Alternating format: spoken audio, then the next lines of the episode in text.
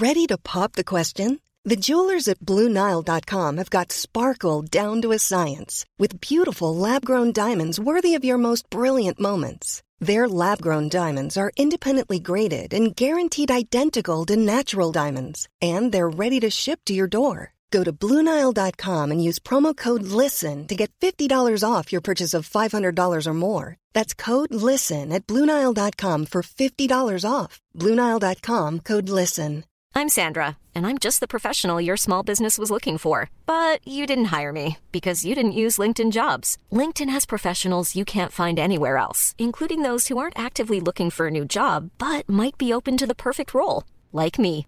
In a given month, over 70% of LinkedIn users don't visit other leading job sites. So if you're not looking on LinkedIn, you'll miss out on great candidates like Sandra. Start hiring professionals like a professional. Post your free job on linkedin.com/people slash people today.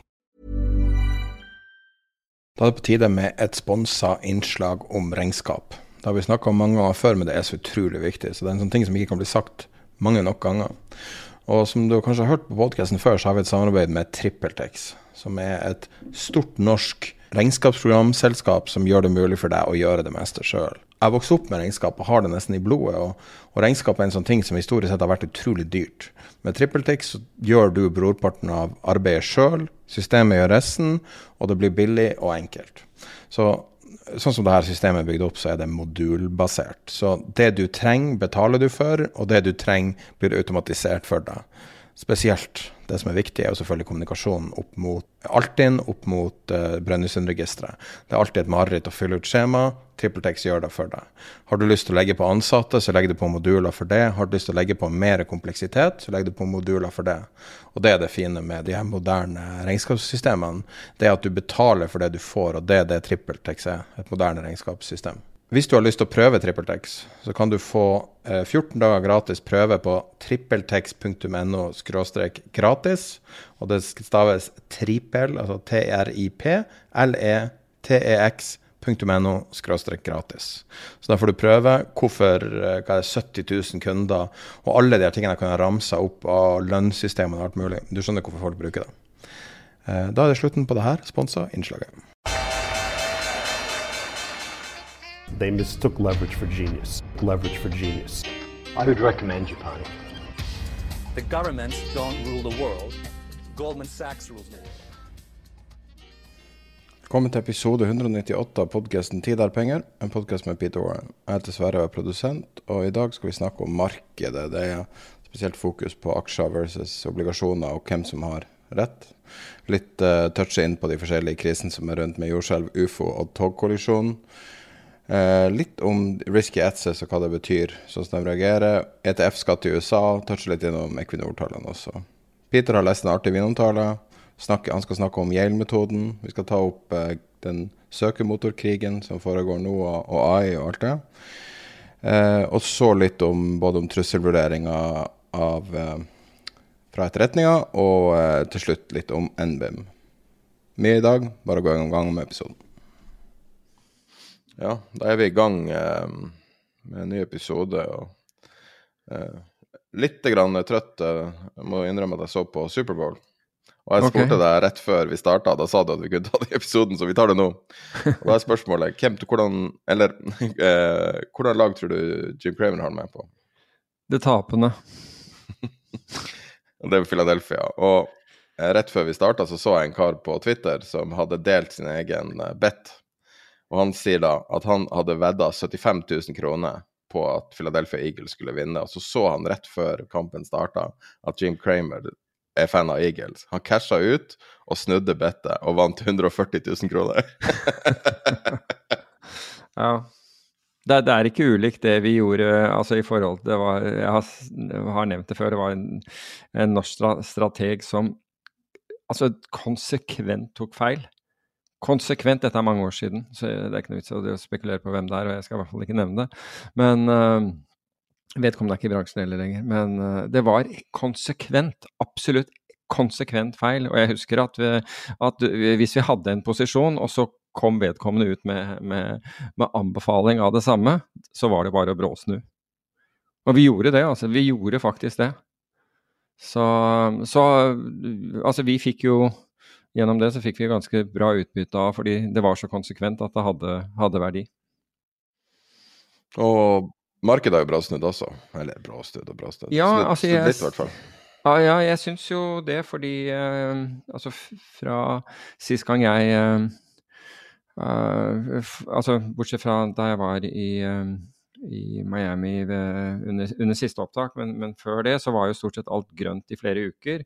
Når jeg så på, på arket mitt uh, nå, så var det jo um, to ganger så mange, mange Activa-klasser, eller inkludert aksjer og som var ned, så, som det som var opp. Så det er helt uh, tydelig at det, har, uh, at det har, skjedd noe i, i markedet. Uh, og det som, var, det som var opp mest i, i, i forrige uke, med, med, en 13% oppgang, det var jo det vi ikke gjerne Det var det vi veldig gjerne skulle sett ikke var opp i det hele tatt. For, for, og det var nordiske strømkontrakter, altså strømfutures. Uh, I det hele tatt så var det jo både altså strøm, som var opp 13% brentolje var opp 8 amerikansk naturgass var, var, opp uh, 5% Så hadde vi Tesla som klarte 4 til, selv om det var, var, en god del høyere. Uran var opp 3 så nå er det liksom inn i Jeg så for øvrig at råvarer generelt var opp. Mens det var stor forskjell. da, Det var amerikansk naturgass som jeg nevnte som var opp, opp 5 mens mens britisk eh, og, og, og, europeisk eh, naturgass var ned, og kull var ned. Eh, det var sånn 11 og 10 Vi så korreksjon nedover i, i, i, i bitcoin. Jeg har sjelden sett så mange komme ut av the woodwork for øvrig, som da, da bitcoin begynte å gå opp igjen og passerte opp gjennom ja, opp gjennom 21 000. Da tror jeg alt som var av sånne krypto-bros, eh, pepra alle kanaler, inkludert eh, Twitter. Med, de, ja, til de grader, da. Til de grader. Var, det, var liksom sånn, det var jo helt voldsomt hvor, uh, hvor de kom, kom, på, kom, på, banen. og så så jeg Men ellers, altså, så Altså denne blockchain-ETF-en falt 8 eh, i forrige uke, men er, er opp fortsatt 20 eh, hittil i år. Og så har vi de lange amerikanske rentene, og vi skal jo komme tilbake og snakke litt om renter. da. Eh, den ETF-en e for, uh, amerikanske statsobligasjoner med, med 20 års løpetid, den var, ned, den var ned 3% altså den nesten halverte oppgangen sin hittil i år. Den er vel opp 4 uh, så langt i år. Oslo Børs var en av de som eh, var, var for, for, så vidt en av de aksjemarkedene som gikk mot motstrømmen. Den var opp 2% i forrige uke, har kommet opp i 4% hittil i år. Ja da, men, men, du må jo si hvorfor, da. Du må bare si hvorfor. Ja, du, du vil til Equinor du antageligvis nå, det, det, skjønner jeg godt. Det er der du vil? Ja, altså det ja, er vel uh, Jeg måtte bare sjekke vektinga forrige uke. Det er 19% av hovedindeksen. Og når den stiger 6-7% på en dag, ja. Så der har du oppturen din.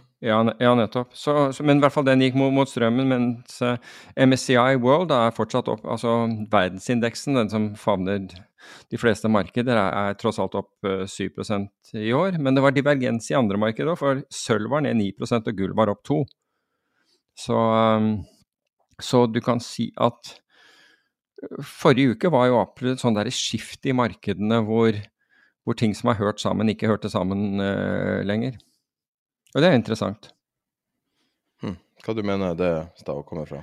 Nei, altså jeg Hvis du ser på Hvis du ser både på, på Eller spesielt, kanskje. Altså du, du har, du har rentemarkedet på, på, den ene siden, og du har uh, aksjemarkedet.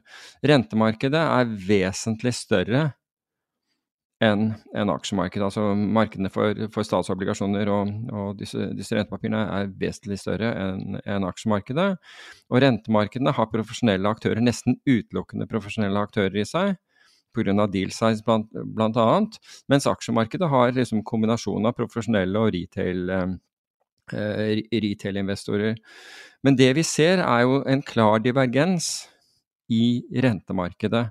Blant annet så ser du liksom de korte, korte rentene eh, stige. Nå er man usikker på hvor, eh, hvor hva som kommer til å være terminal rate for, for amerikanske renter. Og yield-kurven blir, blir, blir mer negativ, altså blir, blir mer invertert.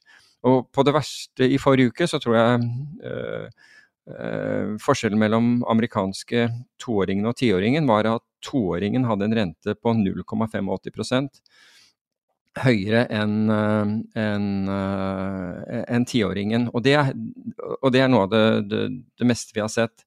Så rentemarkedet varsler om, om ja, uvær, i hvert fall turbulente tider foran oss. Mens aksjemarkedet, risky assets, har liksom vært, vært på steroider eh, i hele år. Egentlig fra, fra, fra, bunnen i tredje kvartal i fjor, men liksom det akselererte i år.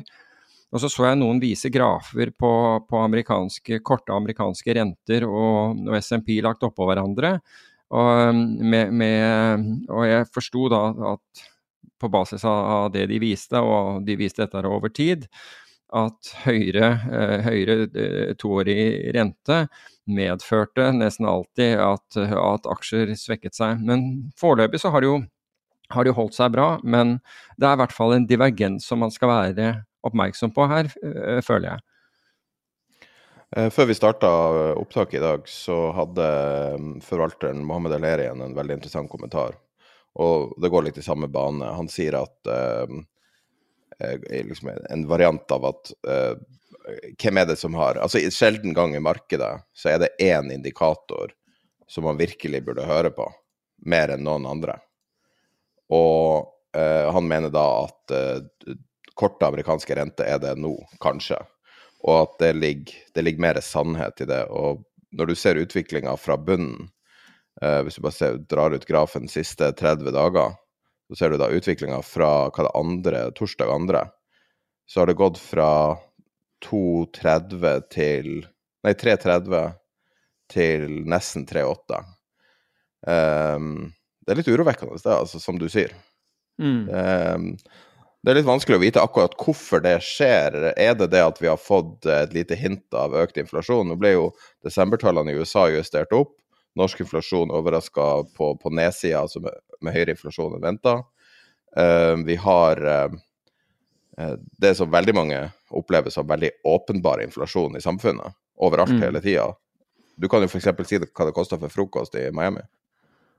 Ja, altså det koster og, og, nå Jeg spiser ikke noe sånn der ekstravagant frokost, bare, bare så det er sagt. Og det, vi, vi, snakker ikke om frokost med, med Bellini og Proseccoer og sånt. Vi, vi, snakker om helt ordinær frokost hvor du har um, kanskje granola um, og, uh, og, en sånn avokadotoast. Det koster deg 500 kroner. Så Og det gjør det, ikke at det, det, står at det koster det på menyen, og selvfølgelig står det i dollar på, på menyen, men når de da har lagt til alle skatter og de 25% som at your convenience de legger til, til regningen din, så og etterpå i tillegg ber deg om driks, så koster det 500 kroner. Så, så, så, rimelig er det ikke. Og jeg, en annen ting er at amerikanere bestiller jo Altså når jeg bare så på hva folk bestilte som satt rundt Altså hele bordet er full av mat. Og de hiver store deler av det, fordi de, altså selv amerikanere med, med, med, sin størrelse klarer ikke å komme gjennom disse, disse, disse måltidene og, og, få spist alt. Det var ikke snakk om å putte de i doggybags eller, eller et eller annet sånt. På fancy hoteller i Miami så er det vanskelig å tro at det er doggybags. Ja, det, det, det, kan du si. Men, men jeg, altså jeg spiste ikke bare på hotellet. Jeg tror jeg spiste på frokost på hotellet to ganger, og ellers så spiste jeg på, på sånne altså frokostrestauranter rundt, rundt, omkring. Og ikke noe sånn der eh, fancy greier, men, men, det kostet altså det kostet 500 kroner pluss. Altså, du, når du kom ut derfra, tenkte jeg hvordan, hvordan ble det til det? Fordi liksom det sto at ting kostet liksom syv dollar eller et eller annet sånt på, på, på menyen. Nå snakker jeg om enkeltitems, da. Men, øh, men det, var det, det, var det, det kostet. Altså, det, prisene er gått vanvittig opp. Og mens jeg er inne på det der, altså det er så akkurat like mange elektriske biler. Du vet, Miami har fått eh, en enorm tilførsel av, av, av, eh, av innbyggere. Delvis av skattemessige årsaker. Folk har flyttet fra, både fra, eh, spesielt fra New York, for der er skattene høye. og Det var derfor folk bodde i Connecticut og, og pendlet til, eh, til, New York. Men mange av foretakene, både i, på østkysten og på vestkysten av USA, har flyttet til Miami fordi det er lavere, eh, lavere skatter der. Og det har jo drevet opp prisen på, på eiendommer. og det er blitt enda mer trafikk osv. Så, videre, så du ser jo det er korker korker overalt, altså trafikkorker overalt. Men jeg så akkurat like mange elektriske biler eh, i år som det jeg gjorde i fjor på, på en uke. To. Alt annet er svære, feite Altså alt er jo ikke det, men det er, det er muskelbiler i hopetall. Um, og, og, sånn Guzzling V8-ere, det, det, er overalt. Så jeg, jeg, tenker Norge, det er, det er, fem millioner mennesker som, uh, som, nesten må leve på sparebluss for å spare pga. at man ikke skal ha høyt strømforbruk og man skal ikke ha biler her og der, og det er liksom den der greia der. Og vi, vi føler liksom at vi, uh, at vi endrer verden. Og så har du da USA med 300 millioner mennesker, and they don't give a Skjønner du? I det hele tatt. Så uh, det er, det er, liksom, det er litt sånn er interessant å, å, se. Og det betyr ikke på noen som helst måte at jeg, at jeg syns at, uh, at, man ikke skal anstrenge seg her i Norge, men jeg, jeg føler at vi går litt over the top når vi, når, i, når, når vi tror at liksom vi forandrer verden. Altså. Så det om det. Når du kommer til, tilbake til risky assets, da, for å snakke litt om finans ja. uh, Det var jo som jeg, som jeg sa til deg tidligere, at at jeg føler nesten at, at, investorer har en slags sånn self-soothing-tilnærming eh, til investering. At man prøver på en måte å overtale seg sjøl om at alt er sånn som det var i, to, i 2019. Alt er i orden. Uh, penger skal trykkes til evig tid. Alle vet at inflasjonen skal tilbake til to. Nå sa jo Fed nettopp inflasjonen er snart tilbake til 2 igjen.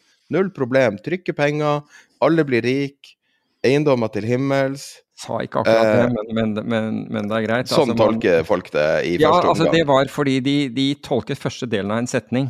Men, ja, ja. Men ja. Det, det, er jo, altså, hvis du tolker første delen av en setning, så er du jo kun interessert i å få bekreftelse på din opp, oppfatning. Og når du ser de her du ser på topplista på uh, year to date, så ser du jo bare ting som taper penger, stort sett. Og du, du har uh, altså du ser liksom på alle de her filmene F.eks. For forrige uke la Lyft fram tall. Så ser du at Lyft har holdt på i 10-12 år taper fortsatt penger. Og, og, penger er ikke gratis lenger. Og likevel er folk villige til å subsidiere dem på et eller annet vis, men i realiteten er de jo ikke det. Du ser jo at prisen på alle de her tingene, produktene fra de selskapene som taper penger, begynner jo å gå veldig opp fordi at de prøver å tjene penger. Så, men det jeg mener er bare at man må være utrolig forsiktig med å overtolke signalene tidlig i år i år. Og hvis det vi snakka om siste uke, hvis vi allerede, hvis vi enda ikke har sett effekten av 75 basispunkter i sommer i økonomien, og det kommer først nå, hvis vi enda ikke har sett effekten av lønnsøkningen gjennom hele fjoråret i inflasjonen før nå, alle de tingene som, som man avfeier fordi at Fed, altså fordi at eh, Powell i en tale kommer med et sånn vagt positiv uttalelse, Eh, jeg ville vært forsiktig med å turn bullish nå og ta masse risk. Finansavisen skriver jo at boligmarkedet i Norge er, er brennhett nå. Det syns jeg er litt sketchy. Ja, altså jeg, jeg, hører jo begge deler. Altså jeg hører jo Eller jeg, jeg leser det, men, men hører, hører, hører, også det motsatte. Så det, det, er mulig at liksom noe har gått høyt, eller Det, det vet jeg ikke, men uh, så, så, det er vanskelig å ta det er vanskelig å ta stilling til, eh, til, til boligmarkedet. Samtidig tar det lengre tid å bli kvitt, det er, men det har tatt seg opp noe i januar. Og, og, Jeg tror det overrasket også, men det var andre som, som da forklarte at det der, det der var uh, det, det, var liksom helt innenfor, innenfor, trend. Så får vi se. Men, men som vi snakket om sist gang, at hvis det, hvis det er reelt at det markedet er brennhett, så er det jo som å be Norges Bank om å heve, om å heve renten ytterligere. Så, og så ser jeg også eiendomsmeglere, og, og oss selv, det, er, det, er, få av dem som er, er negative, riktignok, men, men, men også andre som, som mener at, at, prisene vil være ned i år. Det ville ikke forbause meg, det ville ikke være en katastrofe heller om, om, om prisene var, var ned i år. Altså alt annet, alt blir dyrere. Vi får mindre kjøpekraft, mindre tilgjengelig mindre penger tilgjengelig for oss, at, at, det da går utover noen prioriteringer. Altså Hvis du har 5 millioner i, i, i lån og har 18 pluss plus nedbetal... Altså, unnskyld, ikke 18 18 000 kroner i, i månedlige utgifter pluss, at pluss nedbetaling av lånet ditt. Hvis ikke det begynner å bite, så vet ikke jeg. Jeg hører bare anekdotisk hver eneste dag om at folk sitter og snur på hver eneste krone. Ja, altså, og... Også seri altså, seriøst velstående mennesker. Altså, det er ikke noe et fattigdomsfenomen. Nei, jeg, jeg, opplever jeg tror problemet kan være verre på Frogner enn det er på Grorud, som vi snakka om sist, eller tidligere en gang at uh, liksom Oslo nord, som mange forbinder med, med, lavere inntekter Om det har det eller ikke, det, det er irrelevant, men mange assosierer det. Men prisene uh, er vel lavere der? Det er vel det, det altså, ja, for Jeg tror at gjelda er så høy i de velstående uh, Altså det skulle man, nå, Jeg vet ikke om vi har ned data brutt ned på bydel, men pga. at eiendomsprisene er så høye, så er jo gjelda også veldig høy der. Uh, så man må være utrolig forsiktig i sånne her tider, fordi at cash nå har en så høy verdi. Ja. Og du ser jo på hvordan selskapet blir bedømt, vi har snakka om det tidligere, med kvalitet som en indikator. Og når man snakker om kvalitet nå, så er det ikke kvalitet på produkt eller whatever, det er kvalitet på cashflowen. Kvalitet på selvfinansiering, evnen til å selvfinansiere. Og det er jo f.eks.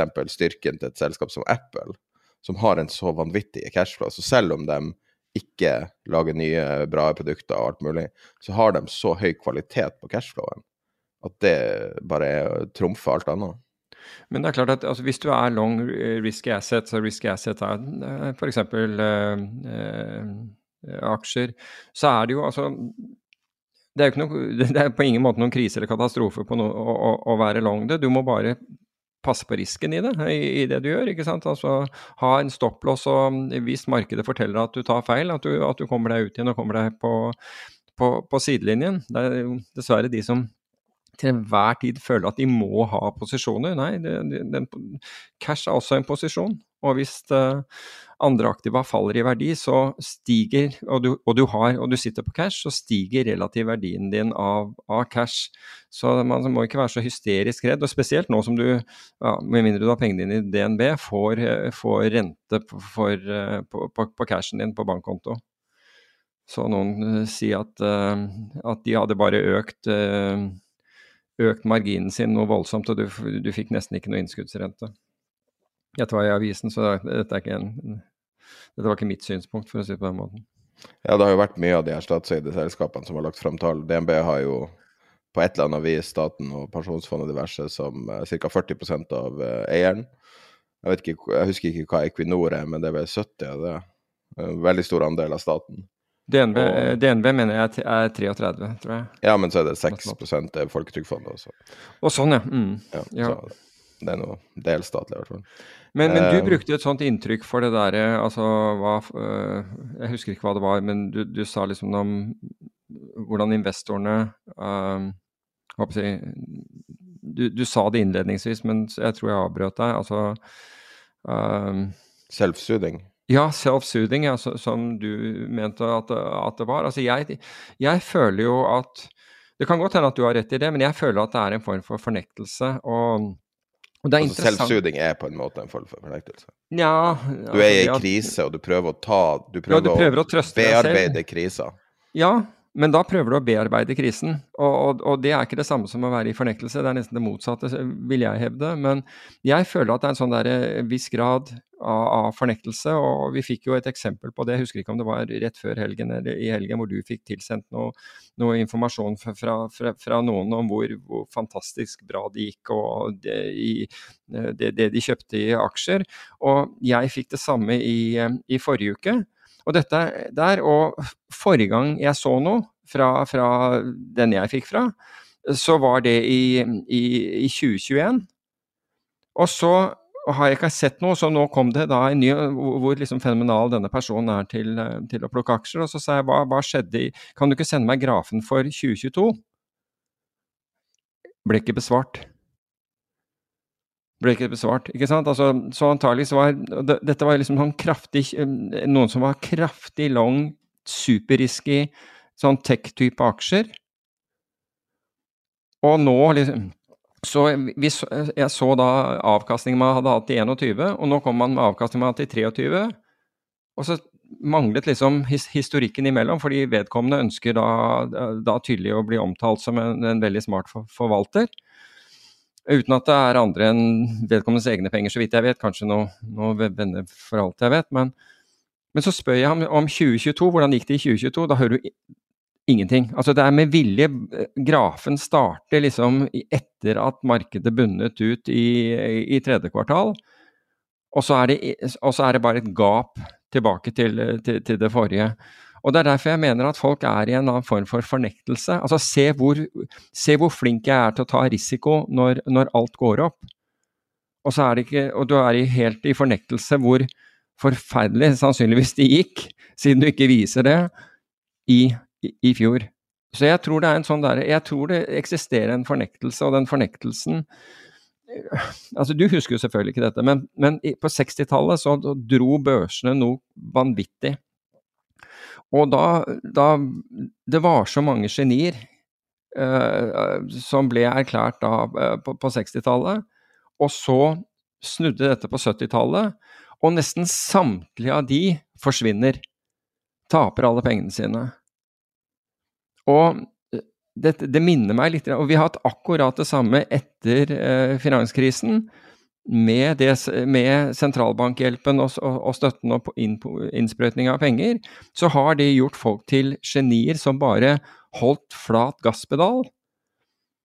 Og nå er det Og i 2022 så, så, så ble det mørkt, og det ble glatt, og det var vanskelig å navigere, og pengene røyk ut rett og slett røyk ut, ikke sant? Fordi man hadde aldri, man hadde aldri navigert annet enn når solen skinte og alt var bra. Og så skinner solen litt nå i, i, i, i slutten av uh, eh, 22 og, og, begynnelsen av, av 23. Og nå, liksom, nå, har man fått tilbake selvtilliten, fordi det, som skjedde i 22, det, det, skjedde egentlig ikke. Vi bare liksom, vi blokker det ut og later som Eh, som vi er tilbake igjen, liksom i ti nye år med, med, med, med stimuli. Og jeg tror det er mye kre mer krevende enn det. Jeg tror markedene fremover kommer til å være mye mer krevende enn det. Men det, ikke det at det ikke gir massevis av muligheter, men de vil ikke være så enkle som, som, de har vært. Rett og slett, Det vil ikke være så enkelt at du kan bare pøse inn penger på de mest risikable tingene som er der, og reise på ferie, komme tilbake seks måneder senere, og så er du plutselig blitt mangemillionær. Det, altså, det tror jeg er det minst sannsynlige scenarioet som, som vi kommer til å se. Og Derfor så krever det liksom at at du må faktisk sette deg opp i stolen og lære deg noe nytt og prøve å altså lære nye metoder, analysere på en annen måte, tenke risiko osv. Så, videre. så fenomenalt hvis du har fått med deg den oppgangen som har, uh, har vært uh, i år. Men liksom beskytt de pengene. Vær sikker på at du beskytter de der pengene hvis ting ikke går akkurat som, som, uh, som du håper. Ja, og Eh, litt tilbake til eh, norske børsnoterte eh, fond. Jeg klarer ikke å finne en overgang. Vi var liksom midt i det. Og børsnoterte selskaper eid av staten. Altså Beskytte pengene er viktig når du betaler den nest største skatta, skatten i verdenshistorien. Ja. Han ja, Ness fra Nordea lagde en fantastisk oversikt. Robert Ness, ja. ja. Eh, over de største skattebetalingene noensinne. Nummer én er Saudi, altså Saudi Aramco, som i 2022 betalte 150 milliarder dollar i skatt. Nummer to Equinor. Nummer tre Exxon Mobil.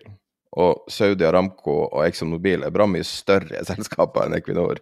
Ja. Så det er mer en indikator på skattenivået i Norge. De betalte jeg fem Det tallet Jeg har spurt for mange folk, så sier jeg hvor mye tror du Equinor eh, Og for å være litt trassig, kaller dem Statoil, altså, men hvor mye eh, tror du Equinor betalte i skatt i fjor. Og da påfølgende kommentar er uansett hvordan tall du gjetter, så kommer tallet til å være større. Og 500 milliarder kroner! Det høres ut som et sånn Dr. Evil-tall. Altså, hvordan, er det, hvordan er det mulig? Ja. Ja. Og, så, og, så, skal man ikke investere i olje og gass heller. Så bare, altså Gilden på nye prosjekter i Equinor, det vil si hvor lang, altså, hvordan internavkastning du har på et prosjekt, hvor lang tid du bruker på å nedbetale prosjektet. Det er to og et halvt år å nedbetale et prosjekt. Det er 40% yield. Tenk det er næringseiendom. Hvor mye gilder er næringseiendom? 5-6 kanskje. Så har du 40% og så vil man ikke gjøre det. Hvor, hvor mye gilder de her, eh, de her eh, grønne energiprosjektene? Mm. Altså, jeg skjønner jo at de er viktige fra et, et moralsk ståsted og fra et samfunnsmessig ståsted, men rent avkastningsmessig så kommer du ikke på 40 og, det, og, vi, og vi, skal ikke gjøre mer, vi skal ikke gjøre mer prosjekter. Vi skal ikke satse på det, for det er fordi man skal stoppe det over natta eller et eller annet. Men Jesus Christ, altså. Ja, se hvordan det gikk i fjor. 500 milliarder. Mm. Ja. Vi har en litt annen hverdag. Så jeg ville bare si tallet igjen. 500 milliarder kroner! og så kommer utbyttet på toppen av det på en 30 milliarder. Og så har du det at DNB tar masse penger fra norske folk og gir til staten, altså. De går jo så bra som de aldri har gått, omtrent. Så um, staten ja. går det bra med Jesus, det gjør det, altså. Ja, nei, Vi skal ikke gå inn på regjeringen og, og, og budsjettet og, og, den diskusjonen som har vært uh, om at de, de tilbakeholdt informasjon. Altså, det er helt utrolig. Det er, det er nesten som du, du, altså, du forsøker å, å, lage snubletråder for deg selv. Det er jo helt fantastisk. Det er sånn Det er nesten ikke til å tro. Så um, Oi, nei, nei vi, vi, kan ikke begynne på den diskusjonen, for da, altså, jeg, da lar jeg hele beltet gå. Det, det er jeg helt sikker på. Altså, Hva det begrepet betyr? At du tar av deg beltet og begynner å slå? Nei nei nei, nei, nei, nei. Nei, det er eh, Nei, du vet når du, når du bruker et maskingevær, ikke sant, så, ja, sånn så skjøter du på beltet, ikke sant. Og der, ikke sant, Istedenfor at du, du avfyrer i, i, korte byger, ikke sant, så lar du hele beltet gå. Det er, det er uttrykket. Ja, så Aldri hørt det begrepet før. Ja. Uh, er det M249 eller noe? Nei. Jeg hadde ikke noe, jeg, jeg hadde ikke noe så avansert. Uh, det har jo vært veldig spesiell uh, siste uke. Altså, jeg, jeg syns de ukene blir lengre og lengre, altså, for det er så mye som skjer. Mm. Og det har jo vært veldig, veldig, veldig tragedie i Tyrkia.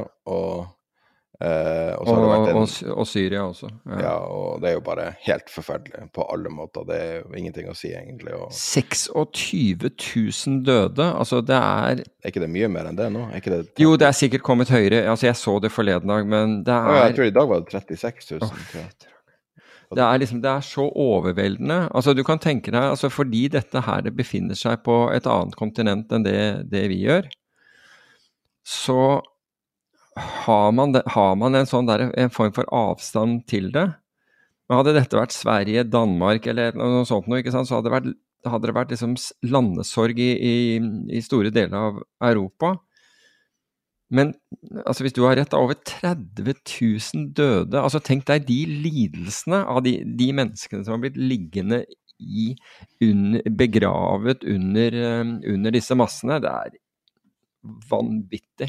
Jeg tror også det er lurt å ikke oppsøke detaljene, for jeg tror ikke det altså Man kan bli helt altså man, man, blir sjelesyk av å lese for mange av de tragediene også. Ja, altså dette er jo land altså Hvis du ser på, på Syria, da, som har vært rammet av, som har vært rammet av krig eh, nylig også, ikke sant. Altså er, Du har det, og du har pågående i hvert fall forsøk på offensiv i um, russisk offensiv i Ukraina. De har var det jeg så nå, at de, ja, det var, de hadde var største tap av russiske Hvis det var riktig, da. Største tap av russiske liv på, på, på en enkelt dag eller noe sånt. Da. Altså, det var uh... Men en sak som har fått mindre oppmerksomhet, da, som er ganske ubehagelig og vanskelig å forstå, er jo i Ohio. Har du fulgt med på den? Nei, jeg har ikke det. Du, nei, jeg hadde ikke fått med meg den. Altså, du tenker på tog, uh, ja. tog Var det to tog som ja, det var et tog som spora av. Og det her er jo det de har advart så mye mot. Og, og det, er jo, det, her er jo så stort tema at det var jo helt nylig en Netflix-film som heter White Noise, som handler akkurat om det her. Et tog som avsporer med giftige kjemikalier, en hel by må flykte. Utrolig nok så folk som var statister i den filmen, er nå utsatt for det som skjedde i filmen, i virkeligheten. En familie som jobba på den filmen for, for, et års tid siden, den kom ut for tre måneder siden. Og så skjer det samme på ordentlig. Og, og, det som har skjedd da, det er et kjemikalie som har uh, le uh, lekka ut og begynt å brenne. Det er ikke sikkert det har stått i norsk Jeg har ikke sett det i norsk medie i det hele tatt, men det har sikkert stått, men jeg bare har sett det liksom på, på Twitter og sånne plasser. Og eh, så vidt jeg skjønner, så blir det her om til syre. Og så blir det Altså, så blir det syre som regnes ned. Åh. Ja, altså det fordamper, og og, altså det er syre som da som, som også kommer ned som nedbør? Og så det, det, det som er interessant, da, er jo at i sånne ulykker, så er det ofte dem som er ansvarlige, som får lov å fortelle historien i, i starten. Mm. Og dem skal underspille hvor ille det er.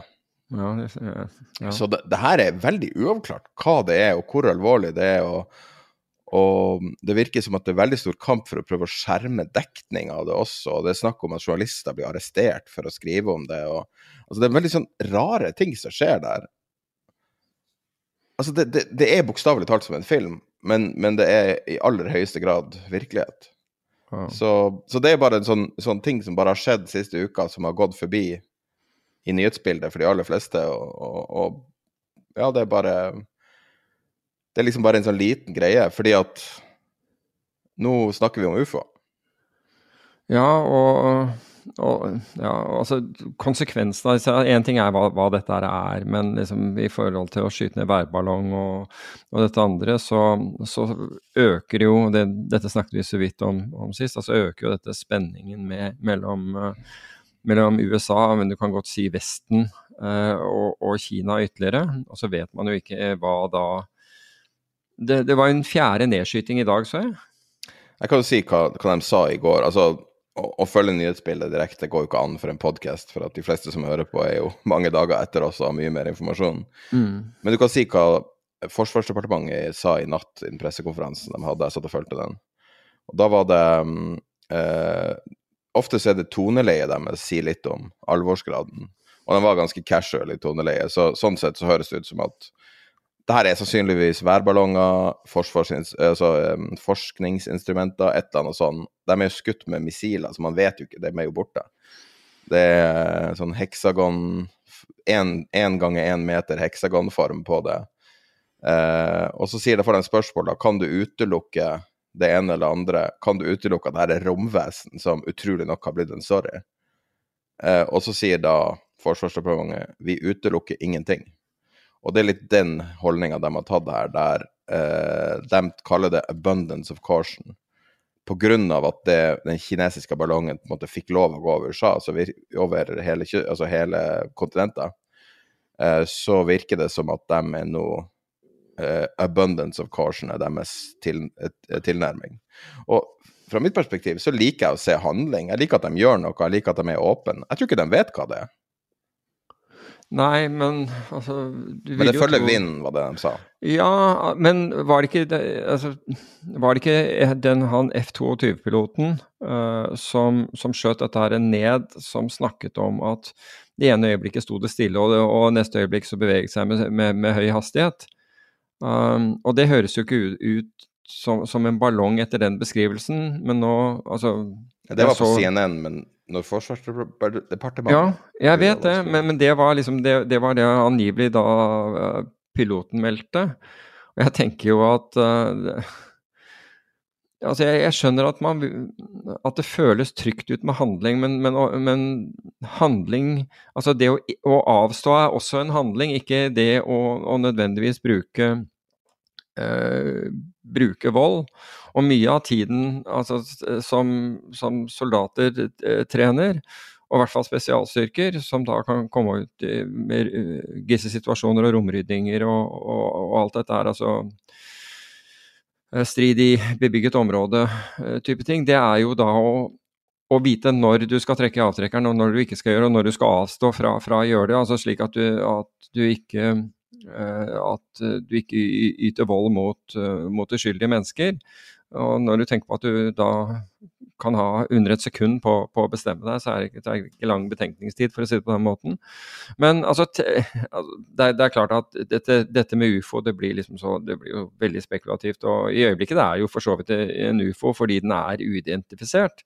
Men tenk deg om dette her da var en høyere intelligens fra, fra et annet solsystem som da sender folk sender noe til, til jorden for å, for å, hilse på, og så blir det møtt med at altså, Det første som skjer, er, er at det utøves vold, eller altså tas livet av. Kan, du tenke deg at de som sitter i det solsystemet hmm, Ok, det, det, det, det der er en, den planeten her er tydeligvis fiendtlig. Og så er det en intelligens som har levd i millioner av år lenger enn oss, som bare ja, la oss fjerne den. da. Det er en litt sånn uvant holdning, du. Det er ikke den ja. posisjonen du vanligvis tar. Nei, men altså Lengst det... ut på galning. ja, jeg vet, jeg vet, det, men liksom, når de først kaller det en ufo, så må man jo liksom uh, la, la, fantasien fritt, fritt, løpe. og Det er ikke alltid at liksom som, det, det, bør jo helst være sjelden at, at vold er, er, løsningen. Det bør jo være the final option, og ikke og ikke um, the preferred choice, liksom. Så, ja, nå har vi jo fått mye testing av F22-plattformen. Ja. Uh, vi har fått uh, satt og fulgte i går uh, de her um, radarflyene deres, sånn AVAX-fly og ja. um, Altså, det var mye Men, rart. Altså, AVAX, AVAX er, jo, er, jo, på vingene hele tiden, bare så det er sagt. Altså, AVAX flyr over, over USA, og det flys AVAX som flyr i åttetall rett utenfor grensene til, til Ukraina, ikke sant. Altså, Men ligger de over Chicago? Nei, de, altså, det er ikke vanlig at en AVAX ligger akkurat over Chicago, tror jeg. Altså, Ligger den i en holding pattern over der, så må det være en grunn til det. Men uh, hvor høyt ligger den, da? Uh, 26 000 fot. Ikke nå, da, men i går. Ja, Det er jo i kontrollert uh, luftrom òg, så det, det, vil jo liksom ikke være ideelt å, å, ha han flyende rundt i 26 000 fot over Chicago. Uh, når du tenker på O'Hare er, O'Hare er vel fortsatt USAs mest trafikkerte flyplass. Ja, nei, det, tingen er at det her er et eller annet, vi vet ikke hva det er. Det er liksom ingen vits å spekulere i det. Det er helt umulig å vite. og nei, Det virker ikke som at de sjøl helt vet hva det er, ut fra det de sier, i hvert fall. Uh, mm. Men det interessante her er jo uh, hvordan man forholder seg til den usikkerheten. For det er jo på en måte det finans er. ikke sant? Det er jo alltid det, Vi snakker jo alltid i relevans overfor finans. Og, og jeg, jeg, tenkte tilbake på den her kjente talen til uh, Don, Don Rumsfeldt No, no, no. Jeg var, redd du skulle si Donald Trump.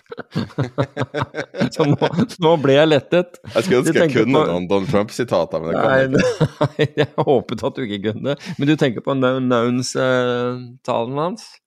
Ja, og Akkurat, um, annen, ja. jeg skulle ønske jeg hadde et Donald Trump-sitat for ham. ja. Hva var det Trump sa han skulle gjøre om uh, Ukraina?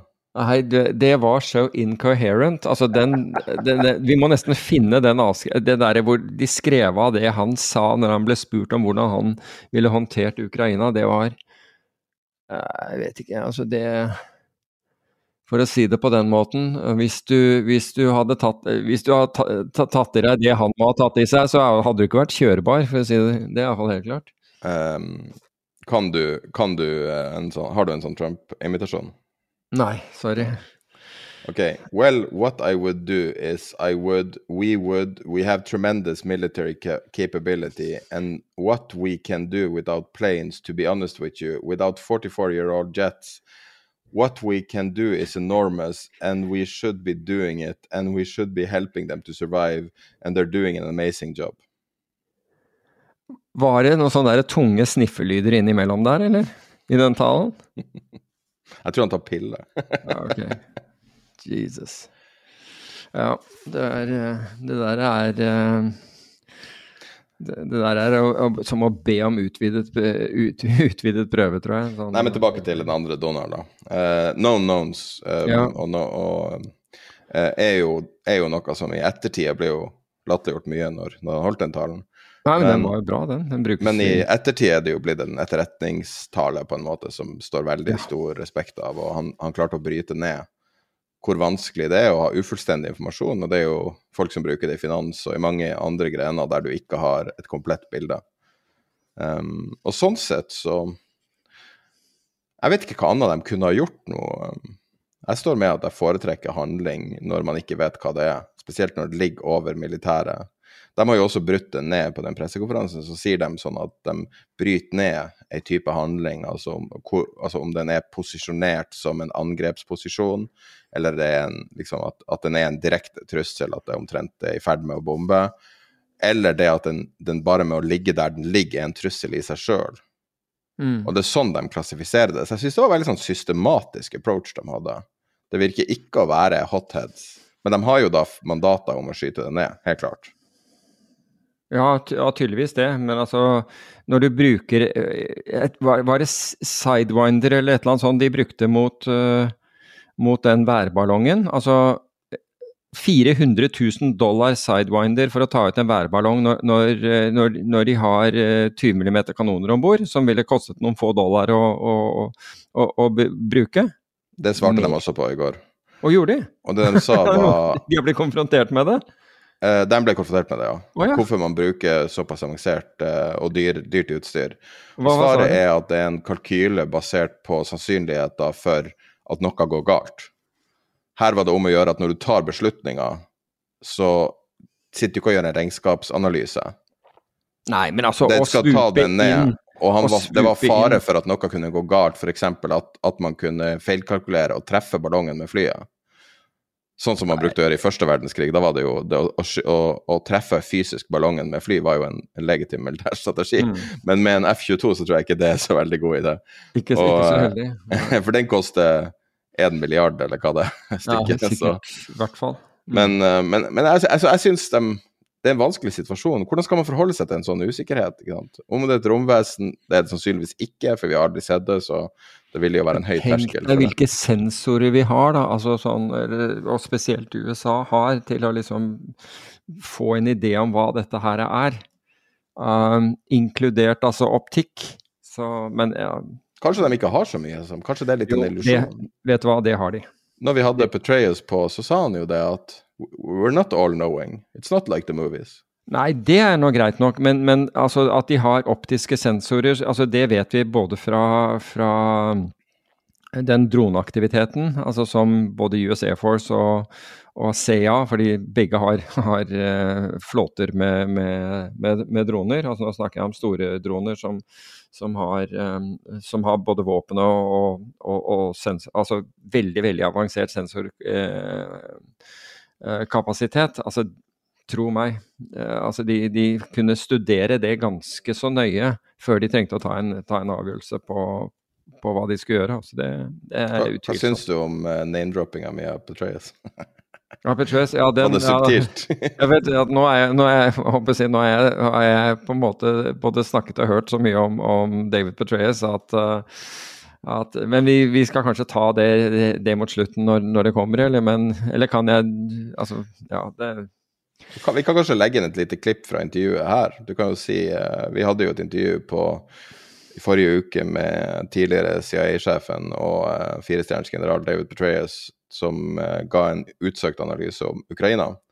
Og vi kunne jo legge inn et fem minutter utklipp av av denne episoden her. Men du kan gjerne si hva du syns. Eh. Ja, altså jeg, jeg syns jo det, den var uh, Jeg, jeg, jeg syns det var fantastisk. Altså det var et fantastisk uh, intervju. Um, og jeg er ikke alene om det, fordi um, fordi venn av, av podkasten, altså Etterretningstjenestens Kjetil Hatlebrekke, han var over seg av, av både at man hadde fått, uh, at man hadde fått fatt på, uh, på general Petraeus og, og, intervjuet. Og det er, det er helt, helt um, Ja, nei, jeg her er, mye, her er, det mye, å lære for folk, for, for å si det på den måten. Uh, og han har altså både altså en, en, ting er hans, hans, syn, og han snakker jo veldig mye om, om det som skjer i, um, i Ukraina under det under det intervjuet. Men han snakker jo også inadvertently, altså ut, egentlig utilsiktet, uh, om, om, ledelse og ledelsesprinsipper. Og, så det er så mye i det, i det intervjuet som jeg syns er, eh, er, interessant. Og så hadde han denne statementen som jeg tvert uh, skrev ned Eh, hvor, hvor, han sier at 'luck is what happens when preparation meets opportunity'. Jeg syns det er fantastisk godt sagt. For uh, altså det er utrolig bra, ikke sant? for man føler at man, man, man gjør lekser eller gjør, uh, gjør, jobben sin altså sånn for å bli bedre hele tiden. Og så, og det er jo først, ikke sant, så plutselig så dukker en opportunity eh, opp, og så er du forberedt, ikke sant, takket være den, den innsatsen du, du, har gjort. For øvrig, altså, du, du, har tenkt å spille av litt av dette her nå, men mens jeg, jeg er inne på den. Ja, ok, men, men mens uh, hvis jeg er inne på Kjetil Hatlebrekke, så har altså Du vet den, den uh, boken hans altså Vi hadde jo han på her, og du kan kanskje linke til det, men den boken hans 'Problem of Secret Intelligence' Norges Bank altså, har, har, kjøpt 40 Uh, 40 uh, hva heter det for noe, utgaver, det heter det ikke, men det, 40 kopier. 40 eksemplarer av det. Altså, for, altså det, synes, det, sier mye om Norges Bank, syns jeg. Altså at, de, at, de, at, de, skaffer seg den, den type litteratur. For den handler jo om å tenke, den handler om å være presis, den handler om å kunne analysere. Og jeg ble, jeg ble liksom uh, imponert da jeg hører altså det, Den er jo bestilt av, uh, av uh, bl.a. etterretningstjeneste, men også biblioteker over, over hele verden. Men, uh, men jeg, jeg syns det, det, det, taler mye til, til, Norges Banks fordel, for å si det på den måten. Men da klipper jeg inn et fem minutt utdrag av intervjuet. Så hvis du allerede har hørt det, så kan du spole fem minutter fram, eller høre det på nytt igjen. Jeg syns han var fin å høre på et par ganger. Ja, ja, ja, absolutt. Absolutt. Hi, this is John Petraeus. Well, I think we are in a at a moment in time where both sides are preparing for substantial offensives, even as Russia is just pouring uh, relatively poorly trained and poorly equipped, and I think probably poorly led and poorly supported uh, conscripts into what is a meat grinder outside Bakhmut and, in the surrounding areas, where they're taking colossal losses and it reflects the seeming unconcern of those, at least in the Kremlin, for the magnitude of these losses. Um, you know, I have often noted that the war in Ukraine will end when President Putin recognizes that the war is not sustainable neither on the battlefield, where the losses are already probably now some nine times what they were in nearly a decade in Afghanistan, just in the first year in Ukraine, and also on the home front because of the damage done to the Russian economy by financial, economic, and personal sanctions and export controls and decisions by Western companies, well over 1,200 of them now, to either leave Russia completely or to reduce their operations in Russia but I can't predict when that will happen. What I do advocate is that we should provide everything we can to Ukraine in terms of arms, ammunition, and other forms of security assistance and economic and humanitarian assistance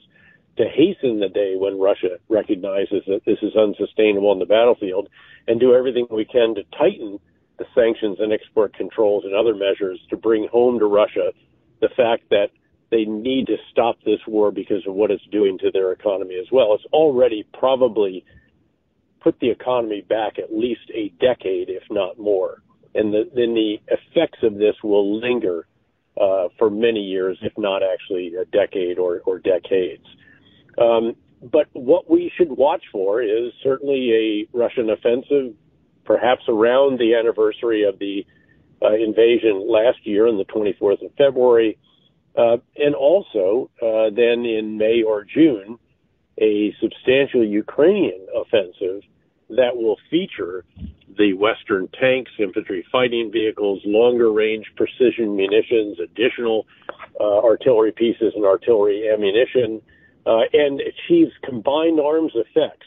In other words, not just tanks, but also tanks with infantry, with engineers, with explosive ordnance disposal, with artillery to suppress the enemy, uh, mortars, close air support if they have it, rotary and fixed wing, uh, electronic warfare to jam the enemy's communications, uh, and all with logistics pushed up to support it as, as effectively as is possible.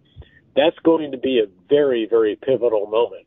And I hope that the assistance that we have provided in the most recent decisions that have been made in that regard can enable Ukraine ultimately to cut the land bridge that Russia has established between Russia proper and Crimea, and then to isolate Crimea further using the longer range precision munitions now that will stretch out to 150 kilometers um, and then perhaps maybe even longer over time, and perhaps uh, take out the Kirk Strait Bridge once and for all completely as well. Hele intervjuet med general Petraeus kan du høre på Tida Penger sin Patron. Tiderpenger.no skråstrek patreon. Der finner du det. Ja, det var eh, general David Petraeus. Friend of the pod, som det heter. Friend of the pod. Um, skal du ta Vi glemte jo selvfølgelig å ta ETF-skatten i USA. Kan du ta kjapt og fortelle hva det er, fordi det er mange som spør om det? Ja, og mange har merket seg at, eh, at meglerhus som de, eh, som de, handler med, ikke lenger vil la de handle i en del av de amerikanske ETF-ene. Og det kan være smart, fordi USA har fra årsskiftet uh, innført en withholding tax på 10% på ETF-er. Og det betyr rett og slett at når du selger den ETF-en, så, så, kommer de til å ikke bare tilbakeholde uh, en eventuelt gevinstbeskatning, men 10% av verdien på hele, uh, på, på, også på det underliggende. Altså hovedstolen ble også, uh, Deler av hovedstolen ble også holdt igjen. Og det er lister nå ute med qualified og non-qualified ETF-er og Derfor så er det viktig at man setter seg inn i dette før man kjøper eh, e, e, eller investerer i en ETF, eh, en amerikansk ETF. For ikke få da en, en utilsiktet voldsom uh, skatt på den. Så det er årsaken, og jeg tror det er årsaken til at også norske, for jeg, jeg har sett utenlandske meglerhus også, holde igjen eller, eller komme ut med varsel, og noen merke, hvor de merker disse som dette gjelder osv. Men her er det det vi kaller kaviat emptor, altså kjøperen må være oppmerksom uh, på, på denne, denne, potensielle faren for, uh, for, for at uh, deler av pengene dine blir tilbakeholdt. Så det er, man må gjøre en, en, jobb her. Sånn rent finansielt så tenker jo jeg at jeg har aldri sett en bedre, bedre markedsføring av, av future-kontrakter ever. Fordi, det, jo, fordi det, det, finnes jo i dag fond som ikke kan eh, investere i futures, som må gjøre, uttrykke en, en trade f.eks. i gull eller sølv eller olje, USO bl.a. Disse her, uh, gjennom ETF-er. Og hvis man nå gjør det umulig, så vil de måtte switche til å, å handle futures. Og de må, vil da måtte omregistrere seg, rett og slett for at de kan handle future-kontrakter isteden. Så jeg vil tro at dette betyr at volumet i future-kontrakter går opp ganske kraftig. Men samtidig så går det jo ned i den andre, så det kan være at totalt sett, fordi i og med at f.eks. USO eller GLD Jeg tror ikke GLD er omfattet av det. Bare så det er sagt, Jeg kunne ikke se det på listen, men jeg så i hvert fall at minst én sølv-ETF var omfattet av det. Um, de handler jo gjerne future-kontrakt hvis de ikke kjøper fysisk gull eller, eller, eller sølv. Ta f.eks. olje. De kan ikke sitte fysisk med olje i, i USO, så de må kjøpe future-kontrakter så, så, vil jo, hvis folk slutter å handle de, så det blir jo ikke flere future-kontrakter av det. Du bare flytter da handelen over i futures fremfor ETF. Så vær, vær oppmerksom på, vær forsiktig. Det er, eh, det er eh, Ja, vi gir jo ikke råd, men hva skal vi si? Henstilling. Henstilling må vi kunne gjøre når, når, man, når man, skal handle i ETF-er. Men Peter, nå er jeg spent. Hvordan vinanmeldelse du har lest? Du, det er, eh, det er Merete Bø i, i, i, DN, og hun har jo eh, Jeg, jeg, nyter jo av å lese disse, disse, disse, anmeldelsene. Nå husker jeg ikke om det var hun som eh, hadde den, men for noen år siden så husker jeg at en sånn vinkjenner, vinekspert, brukte Altså skulle da beskrive en vin og beskrev den som en duft av CD-tre og fuktige bleier. Og jeg tenkte den, var, den, den, må jeg kjøpe, den er skikkelig attraktiv.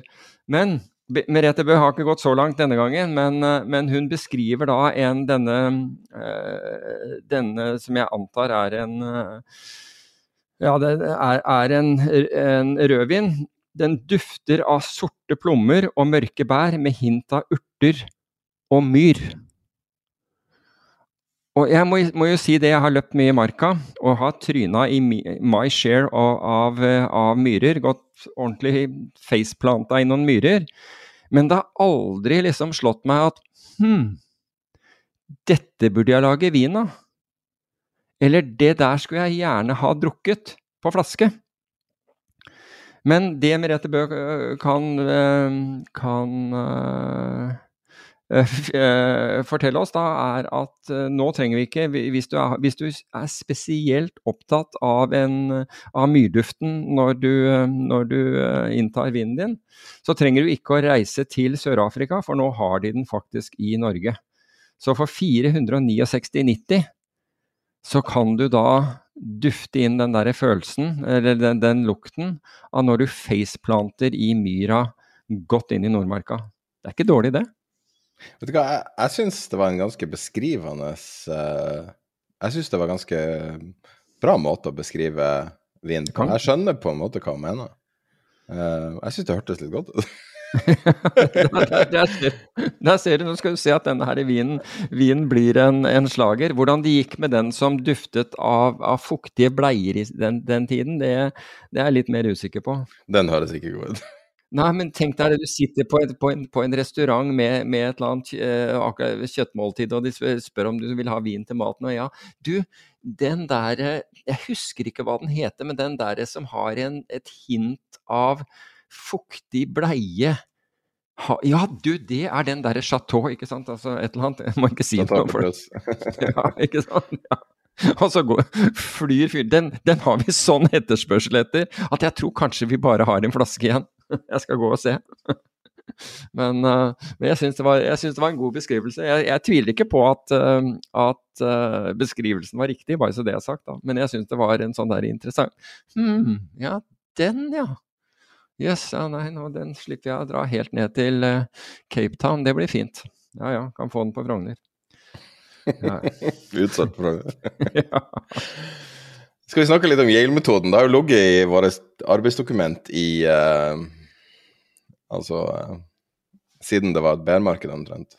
Ja. Og nå når alt er så bra og sola skinner og alt, så, så kan vi snakke om Nei, um, Yale-metoden er jo um, noe som du har fått mange spørsmål om. Du har nevnt fra tid til annen. Hva er det Hva... Altså, Yale-metoden ble plutselig eh, kjempepopulær i Norge eh, etter eh, Rett etter dotcom smellen. Eh, for da gjorde jo folk som de gjorde nå i, eh, i, 2021. De kjøpte det mest risikable som var, og så kollapset markedene. Mye verre enn det de gjorde i 2022, bare så det er sagt. Altså, eh, Nasdaq falt jo over 80% Men da skjønte man at man trengte å gjøre noe annet, for da hadde investorene tapt så mye. Så da plutselig dukker da Yale-metoden opp. Jeg vet ikke om det hadde med Jeg husker ikke når David Svendsen, som da var um, Han var vel norskættet, og han hva, hva, var det Han var ved Han hadde Jeg tror han gikk ut av universitetet og begynte i Salomon Brothers, og så var han i Verdensbanken, og så ble han rekruttert til Yale for å forvalte uh, legatene uh, Yale-legatenes midler. Og gjennom de årene, altså, eh, altså i over en 30-årsperiode, så har han en annualisert avkastning på 12,4% som banka omtrent alt. Og, den had, den sving, og, porteføljen svingte mye mindre enn en sånn 60-40 aksjeportefølje og andre ting. Så og folk har da spurt om hva var det den, var det, eh, den da besto i. Og den rett og slett Altså, han hadde han gikk, ut, han gikk ikke ut og plukket enkeltaksjer, men han hadde 12% i aksjefond. Han hadde 9,5% i eiendom, 7,5% i obligasjoner, 4,5 ja, Det var obligasjoner og cash for øvrig. 4,5 i, i naturressurser. Så hadde han hvis jeg ikke tar feil, 25% var det, Nei, unnskyld, 23,5% i hedgefond, 23,5% i venturefond, 17,5% i PE-fond.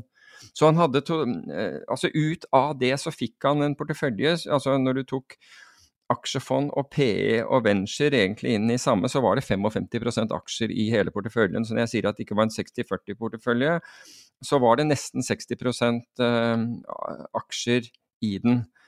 Um, men så kom vi til finanskrisen i 2007, eller egentlig 2008 til 2009. Og det som var annerledes for finanskrisen kontra disse andre krisene, var at likviditet forsvant. Og man trengte uh, penger. Altså den, denne porteføljen han, han, hadde, det var Altså han var kjempeflink til å plukke forvaltere. Så mens, mens, folk tror at ok, det er bare å kjøpe et P-fond og det er bare å kjøpe et aksjefond, han var virkelig dyktig på å plukke, plukke disse, og det gjorde denne porteføljen robust. Det folk opplevde som da prøvde å kopiere, og massevis i Norge eh, prøvde å, å, å kopiere denne, denne, porteføljen, kom da til, til eh, finanskrisen og fant ut at de var overlesset med aksjer, men kunne ikke selge, for PE kunne du ikke innløse, du kunne ikke innløse uh, venturefond. Uh, du kunne komme deg ut av aksjefond, men du kom deg ikke ut av eiendom, og, og investorene innløste. Husk på at David Svendsen, til, for, til forskjell for alle finansforetakene i Norge som da solgte en, en i anførselstegn Yale-portefølje. Han hadde permanent kapital. Med andre ord, det var ikke tegninger og innløsninger i, eh, sånn, i månedlig eller halvårlig eller noe sånt. Han hadde permanent kapital, så han kunne lage en portefølje som var robust over tid, og som tålte svingninger. Det tålte ikke norske investorer, så de innløste jo, og det gjorde jo at fondene, eller de forvalterne, eh, eller forvaltningsforetakene som satt med kundene sine i slike porteføljer, måtte selge der de kunne få, få ut penger, og så ble det liksom en total sånn katastrofe av dette her. Og de hadde heller ikke tilgang til de samme hedgefondforvalterne, PE-forvalterne eller venture-forvalterne som David Svendsen eh, hadde fått til. Men poenget er at hvis du ser på hvor vi er nå, altså har og dermed så, og, og summa summarum av dette var jo at det var bare aksjer og obligasjoner man skulle plutselig eie derfra, og så fikk man sentralbankene med seg, så dro alt dette her i, rikt, i riktig retning frem, frem, til slutten av 20, 2021. Men hvis du går til i dag, da, eller bare se hva som virket i 2022, da var det jo faktisk ting som hedgefond og, og, som, som, virkelig virket, og, og, som ga gode porteføljeegenskaper. Og vi har snakket om en, en serie av disse hedgefondene i, eh, i denne podkasten. Slik at alt kom tilbake. Altså på en måte en, en portefølje sånn som Svendsen hadde, ville sannsynligvis dratt deg gjennom. Altså øh, øh, sadly enough, det, hva heter det på norsk? Altså, dessverre, dessverre døde David Svendsen uh, i, uh, i, 2021. Han ble bare 67 uh, eh, år gammel. men sannsynlig så ville den ha fått deg gjennom fjoråret vesentlig bedre. altså Selv om du hadde antageligvis PE vet du ikke hvordan det har gått, fordi de, de skriver jo ikke ned, ned verdier. Og, og, det gjør jo heller ikke venture, fordi, så det kommer an på når du kom inn. Men jeg er helt sikker på at hans portefølje fordi han var flink til å, å, å plukke eh, forvaltere, hadde nok, eh, hadde nok, vært ganske robust, eh, robust gjennom det også. Men der lærte man jo, og det lærte jo for så vidt Svendsen også i, i, i 2008, at aksjer, PE, venturefond og eiendom, det korrelerte. PE, venturefond og eiendom er illikvide når, når, noe går galt, så da må du ha lengre tidshorisont og mer permanent kapital. Det er ikke noe vits å ha månedlige innløsninger eh, på, på, noe som, hvor du, hvor, du, rett og slett ikke kan få ut pengene dine på mange år. Det vil være galskap. Så, og jeg, jeg tror at, eh, at uh, hans konklusjon var at 55 aksjer altså det, det, kunne ikke, det kunne ikke være i den formen som det var. Um, så jeg tror at han fant ut at uh, men, men, med permanent kapital så er ikke det, det, noe problem. Men jeg tror han fant ut at det var, var at det var noe overlesset i forhold til, til, til aksjer. Så, så Yale-modellen uh, den har vært praktisert i, uh, i Norge. Jeg, jeg, vet ikke om det er noen som fortsatt gjør det, men du må Altså, det, det betyr at den som velger velger forvaltere og fond, for der bruker du da eksterne fordi de aller fleste norske forvaltningshus, eller er vel ingen av dem, som både har PE, hedgefond, venture osv. Så, videre. så du er avhengig av, um, av å få hjelp fra, fra, andre. Noen har ingen av disse forvalterne, så de bare plukker fra andre. Men de må være, de må være ekstremt dyktige, for å si det på, på den måten. Så det er noe å etterstrebe å ha god god risikojustert uh, Eller god spredning, altså god diversifisering. Men det er ikke bare å diversifisere, fordi du må være nøye med hva du diversifiserer med, ikke bare i forhold til aktiva-klasser, men hvem det er innenfor de ulike aktiva-klassene som faktisk forvalter uh, pengene dine.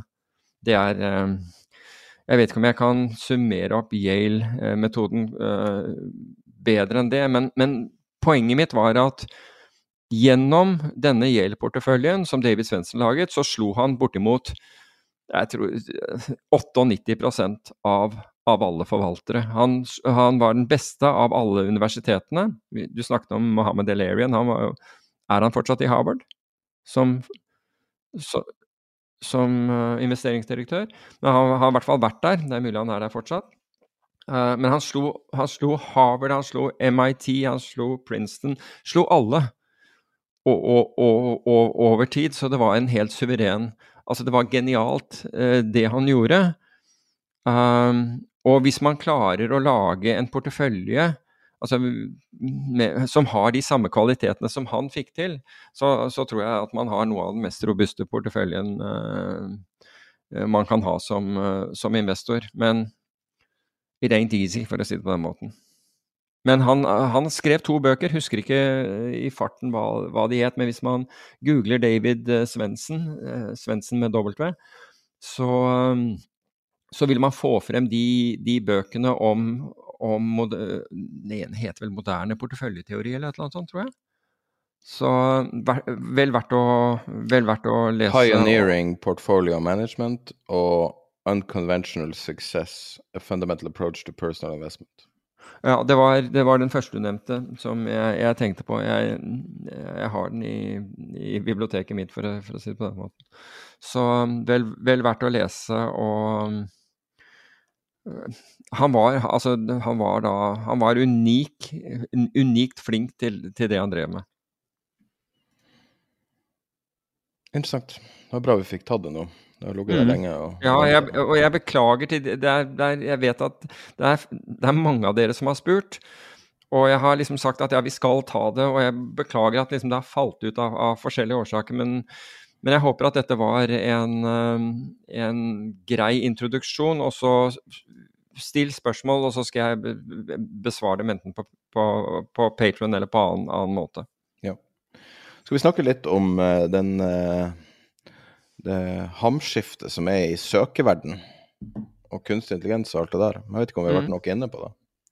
Nei, kom igjen. Eh, det er jo store utslag, og det har vært store utslag den siste perioden. Og når du ser um, de her gigantene som man nesten tar for gitt at går bra, når du ser dem begynne å slite, og man må liksom tenke tanker på nytt, så føler jeg at det er verdt å hvert fall sette en fot i bakken og prøve å forstå hva som skjer. Um, du har jo Google, som har vært selskapet som ikke kunne feile de gjorde alt riktig. De var the good guys, alle likte dem.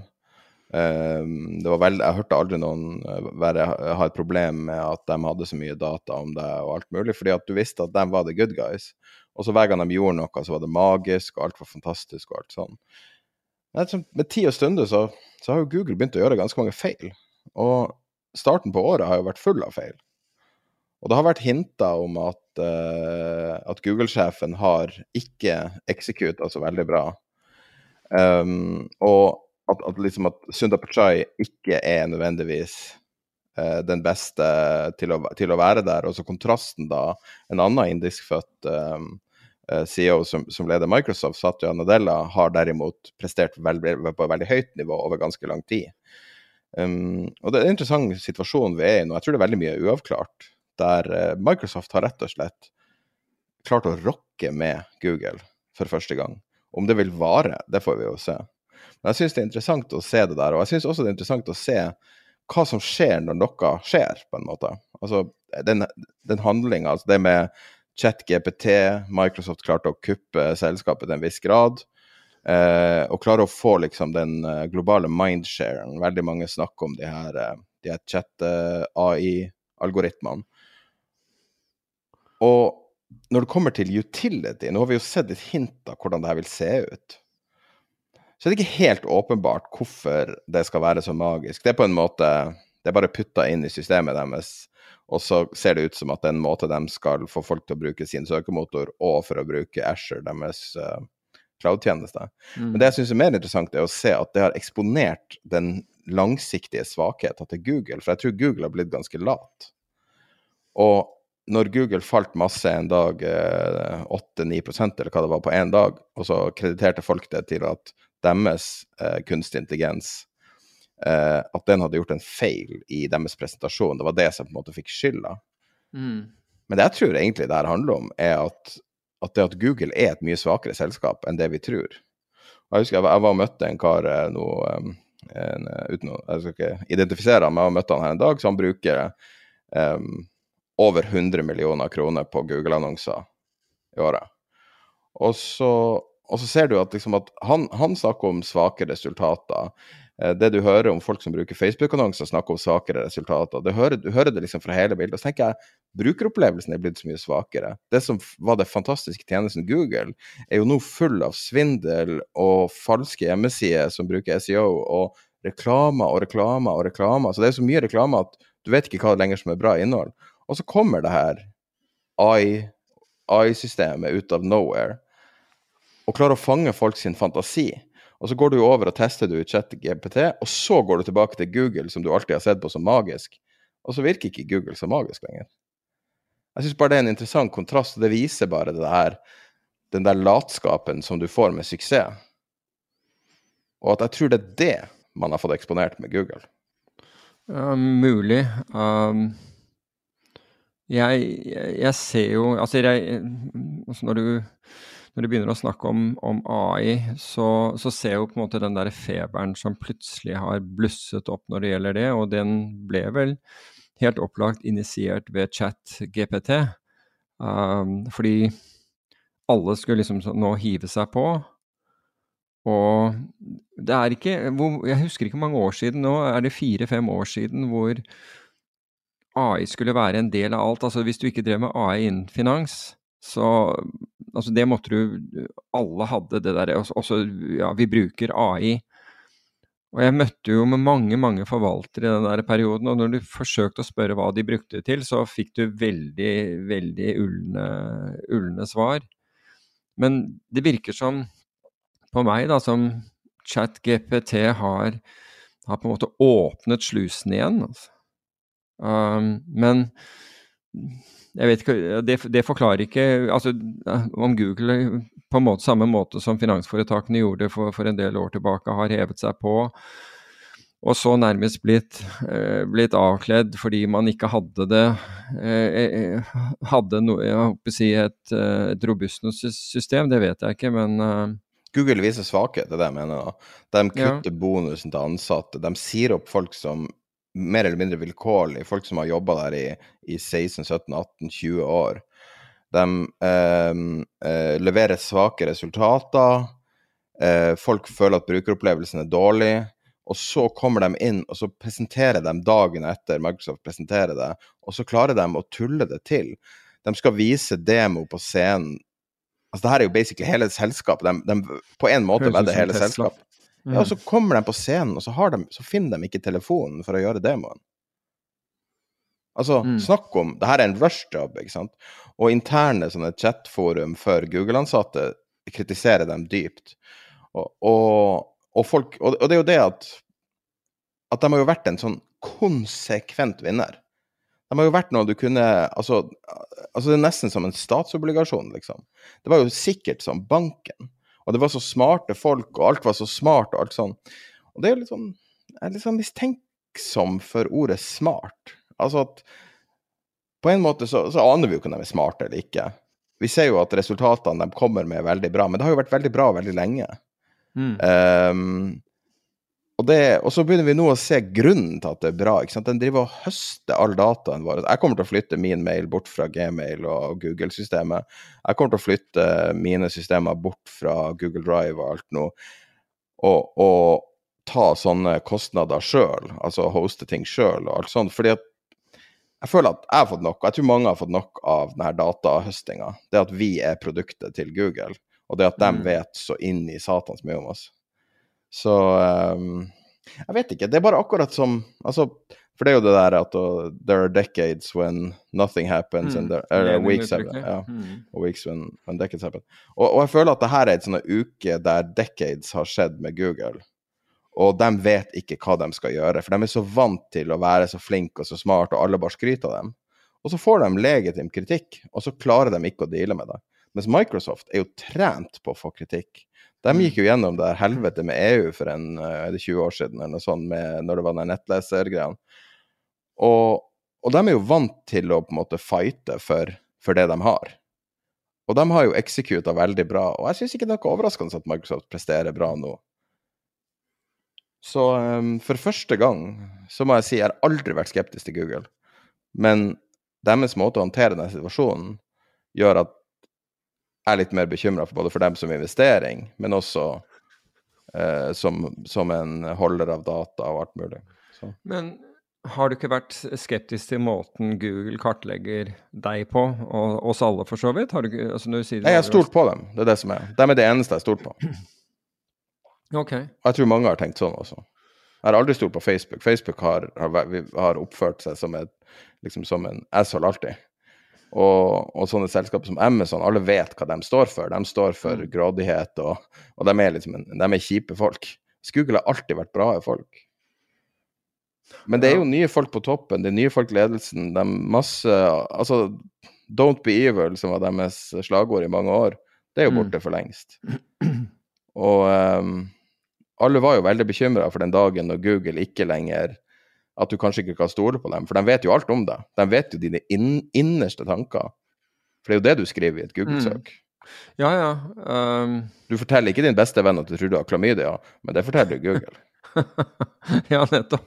Uh, jeg må jo si at uh, altså Bare som en liten digresjon, ikke for at vi skal skifte, skifte tema, men i, for, i forbindelse med, med, trusselvurderinger for 2023 som da har kommet i dag fra, fra de tre etterretningstjenestene, så, er, så har, tror jeg man vet, det var vel i fjor man, man vedtok i fjor at, uh, at den innenlandske etterretningstjenesten, altså PST, sikkerhetstjenesten, har, har anledning da til å altså åpen kilde og lagring, og, og, ba om å få kunne lagre eh, data som, som, befant seg åpent på nett. Og det her er det ikke snakk om invaderende metoder. Det er ikke sånn at de går inn i mailboksen din eller avlytter deg eller et eller annet sånt. Det er bare hva, hva du faktisk poster.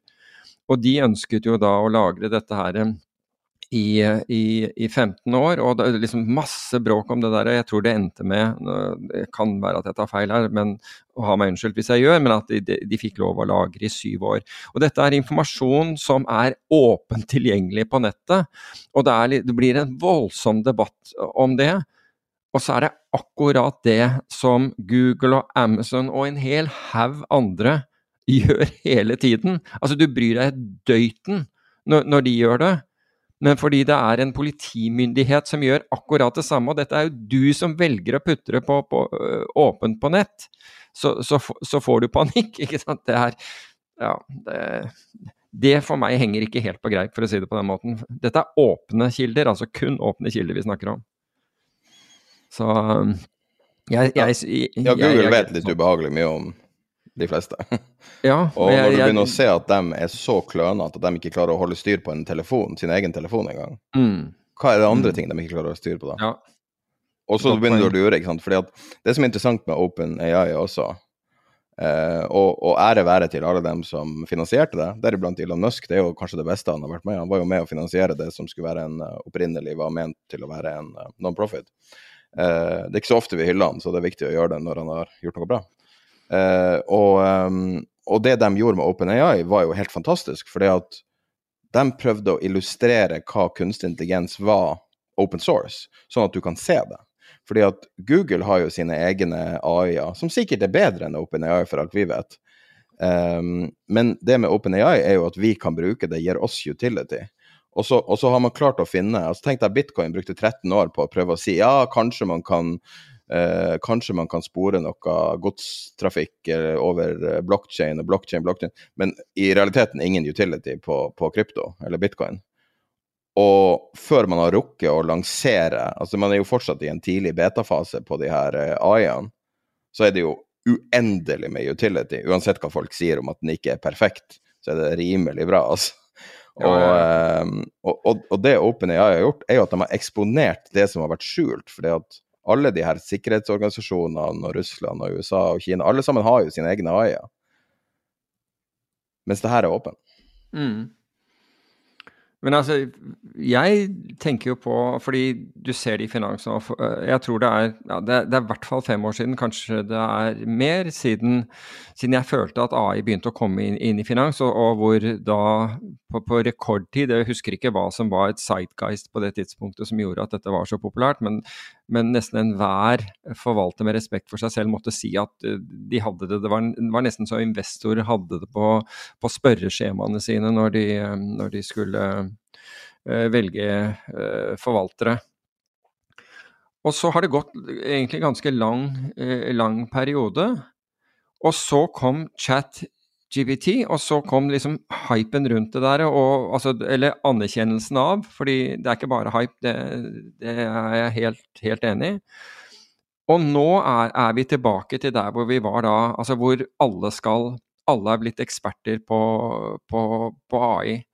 Og så snakker du da med de som har drevet med dette her lenge, og av de jeg vet kun om, om, Det er sikkert flere, for jeg, jeg tipper at kanskje Rentec bruker, bruker, noe AI og, og noen andre. Men, men, det er Volian, som vi har snakket om, som, er, som sitter i uh, Berkeley, California, og, er eks-MIT-professorer, blant annet, og, men med solid finans, finansbakgrunn.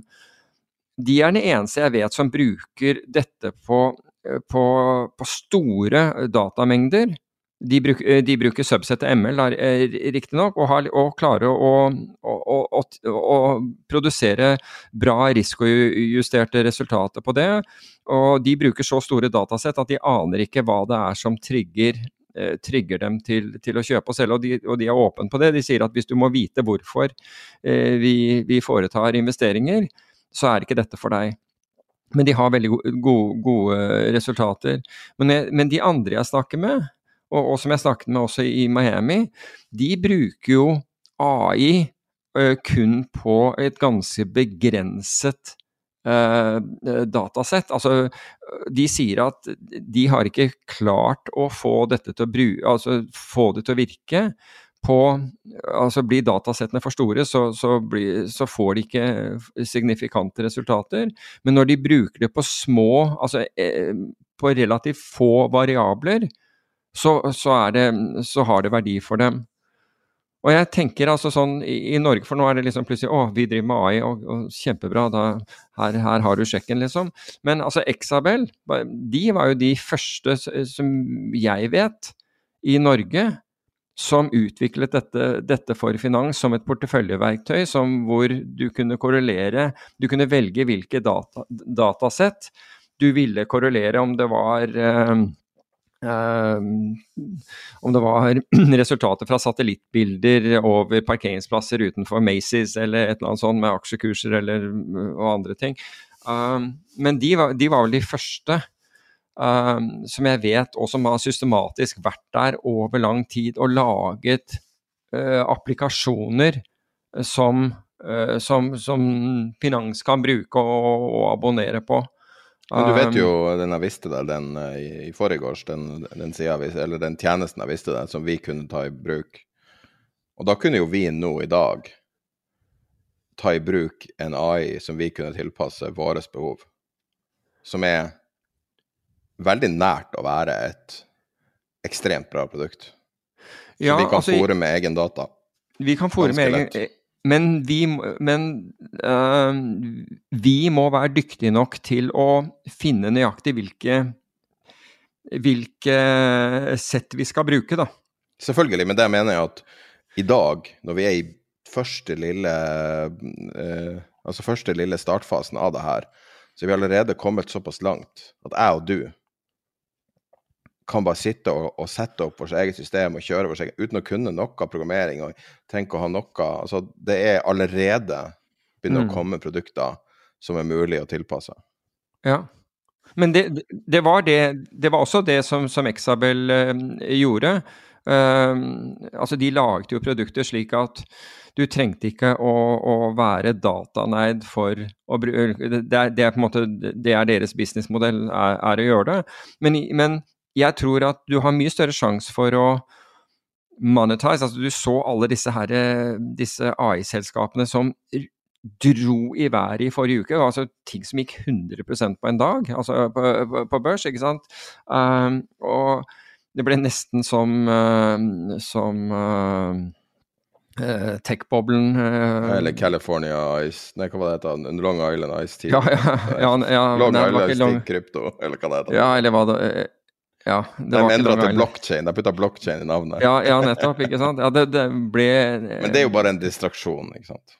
Ja, ja, nettopp. Det er akkurat det jeg sier. Det er, det er en distraksjon. Så, så hvis man skal først jeg, jeg, tror- jeg tror at man kan gjøre underverk, men men det virker bare altså, Men jeg spekulerte jo på altså hvorfor tok ikke dette her ordentlig av for fire-fem år siden? Og, og det er det samme svaret som svaret på så mye annet. Det var at sentralbanker pumper inn penger og løfter alle markeder, så du trenger ikke å lære deg noe nytt for å, for å, for å shine. Og, og, det, og det har sin ulempe ved at folk bryr seg ikke. ikke sant? Det, det, går, det, går opp uansett, så vi, vi slipper å gjøre jobben. Og, så, og det tror jeg er også argumentet for hvorfor disse verktøyene liksom nå kommer. og ikke minst det som du er inne på, er at det finnes applikasjoner nå som, som, som er, er så user-friendly at både du og jeg kan bruke dem. Jeg tror fortsatt at, at Men jeg tror fortsatt at du skal være altså Skal du få fullt utnyttet dette, så bør du være ganske smart, altså for å si på, på, på den måten. Du må jo vite hva du skal, du skal søke etter. Og jeg tror også den derre avgrensingen For det, det snakket jeg med flere av fondene i Miami om. Eh, Så ser hvordan avgrenser du, og da, og liksom, da merket jeg at liksom alle trakk skuldrene. Åh, ja, liksom, det er jo nettopp det som er problemet, og utfordringen vår. Um, Skal vi gå tilbake litt til trusselvurderinga? Du toucha jo litt inn på det. Ja, Eh, det kan vi. det er ikke så lenge til markedet åpner nå, så vi kunne tatt inn på det. Det var nye trusselvurderinger i Norge i dag. Og jeg prøvde å se på, på litt oversikten, og det ser ut som at det er økt trussel for Norge. Det er økt press fra Russland. Generelt blitt verre. Er det, er det en grei oppsummering? Jo, det er, det er en ganske grei oppsummering på det, fordi um, det er som uh, nestsjefen i, i E-tjenesten sa, at Russlands invasjon representerer et varig, altså av Ukraina, eh, representerer et varig brudd med, med, med Vesten.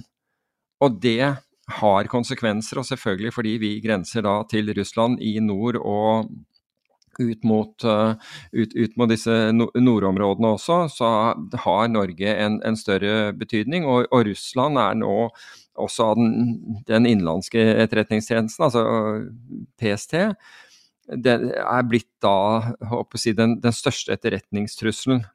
Så uh, hvis du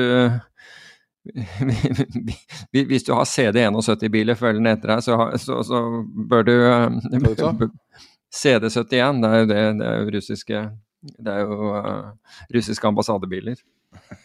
Seriøst? Ja. Begynner du på CD71? Er det sånn det funker? Alle, alle ambassadebiler begynner på CD, CD, bortsett fra de amerikanske. De kjører på helt vanlige skilter av sikkerhetsmessige grunner. Men alle andre ambassader har blå skilt med, med hvor Jeg mener at det er med gul skrift. Jeg vet at det er CD, men er det 71? Er det Russland? 71 er Russland. Er det sånn det funker? Er det landskode, de to første sifrene? Ja. Det er det. Fascinerende.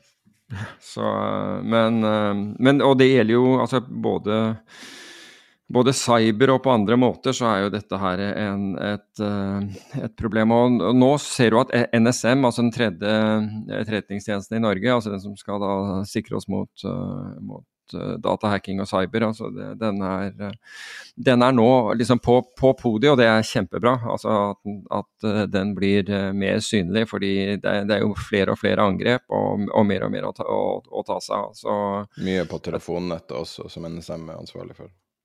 Ja, nettopp. Altså, de, altså infrastruktur og sånt er, er jo deres, uh, deres greie. Og, og, i forbindelse, hva var det med Det var jo helt tilfeldig egentlig, tror jeg, at det, dette ble sagt, men et av de sitatene uh, jeg hadde, er fra Irene Rummelhoff, som, er, som jeg mener er tradingsjef i Equinor, hvis jeg ikke tar feil. altså i hvert fall gasstreningssjef. Altså, hun sa plutselig spiste vi lunsj med folk med maskingevær. Altså, det var rett og slett sikkerhetsfolk. Så, så, så det skjer ting der. Det, det, er, det, er, helt opplagt.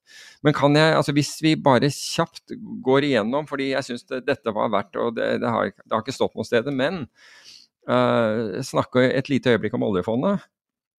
For investeringssimulatoren deres er, ble, da, eh, ble da mm, avsluttet og overlevert i, eh, i, forrige uke. Altså det prosjektet ble da overlevert. Altså dette er da et samarbeid mellom uh, interne kvanter og porteføljeforvaltere i, i NBIM og, og, og, interne og eksterne utviklere. Og blant annet, og I Norge så er det da et, et selskap som heter Kode Oslo, som har, som har vært engasjert til å, til å, til å bygge dette her.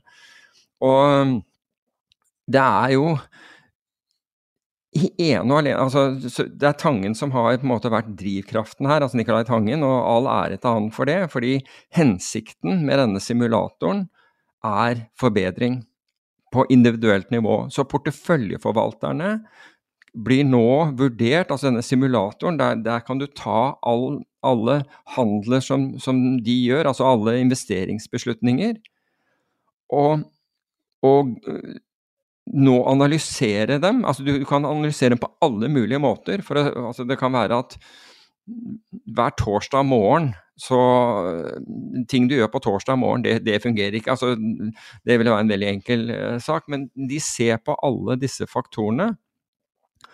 Og for, for, forbedringens skyld. Det er klart at det vil jo alltid være noen, og jeg kan tenke meg at hvis du har vært der lenge og er en av, på en måte en av gudene på innsiden av, av, av NBIM som, som, porteføljeforvalter, så er du mindre, uh, mindre positiv til dette. fordi det er jo alltid sånn, fordi da føler du trussel fra, fra, fra de nye som kommer. og og, og, og, kanskje du, du, føler at du uh, At du får u, u, u, ufortjent mye ros for den saks skyld, så vil jo dette være en trussel.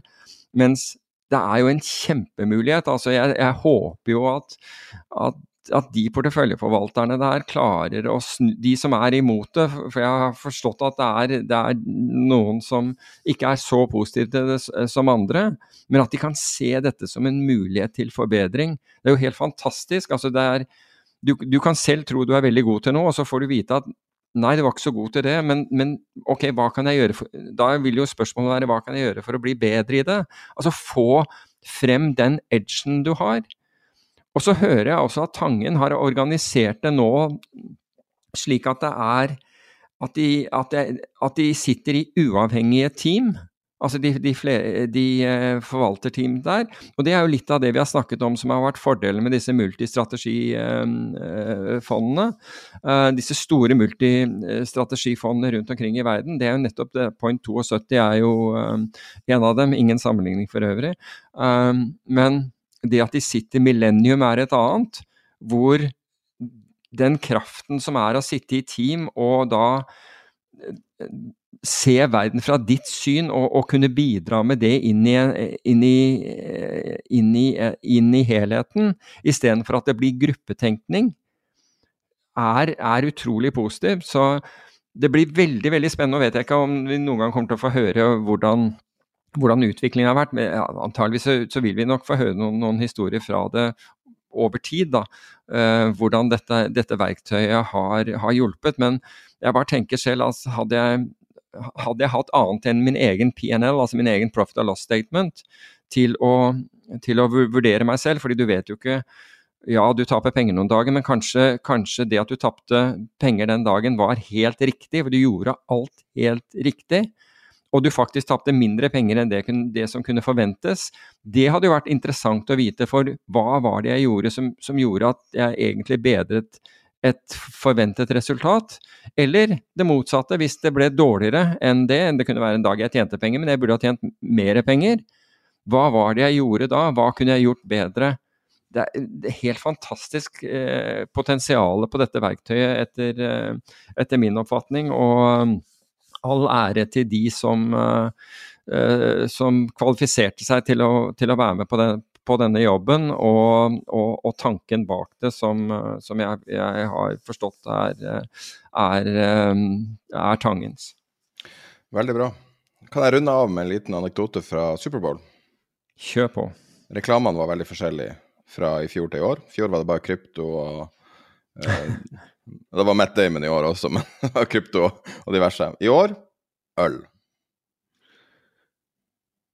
Masse, masse, masse øl. Folk prøver yes. å drikke bort sorgen. Ja, du tror det, hva er, er det et eller annet skambank av bønder og øl og noe greier? Er ikke det Vålerenga? Eller er det jeg som tar feil, eller kommer jeg nå til å få juling av folk fra Vålerenga? Jeg vet ikke, sikkert. Jeg trodde det var et sånt fast slagord der, men, uh, men bra. Nå åpner markedet. Vi er tilbake nå neste uke. Markedet.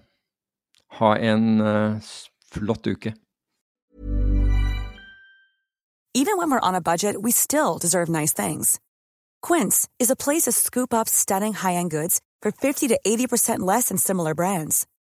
They have buttery soft cashmere sweaters starting at $50, luxurious Italian leather bags, and so much more. Plus, Quince only works with factories that use safe, ethical, and responsible manufacturing. Get the high-end goods you'll love without the high price tag with Quince.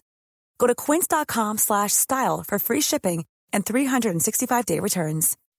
When you make decisions for your company, you look for the no-brainers. If you have a lot of mailing to do, stamps.com is the ultimate no-brainer. Use the stamps.com mobile app to mail everything you need to keep your business running with up to 89% off USPS and UPS. Make the same no-brainer decision as over 1 million other businesses with stamps.com. Use code PROGRAM for a special offer. That's stamps.com, code PROGRAM.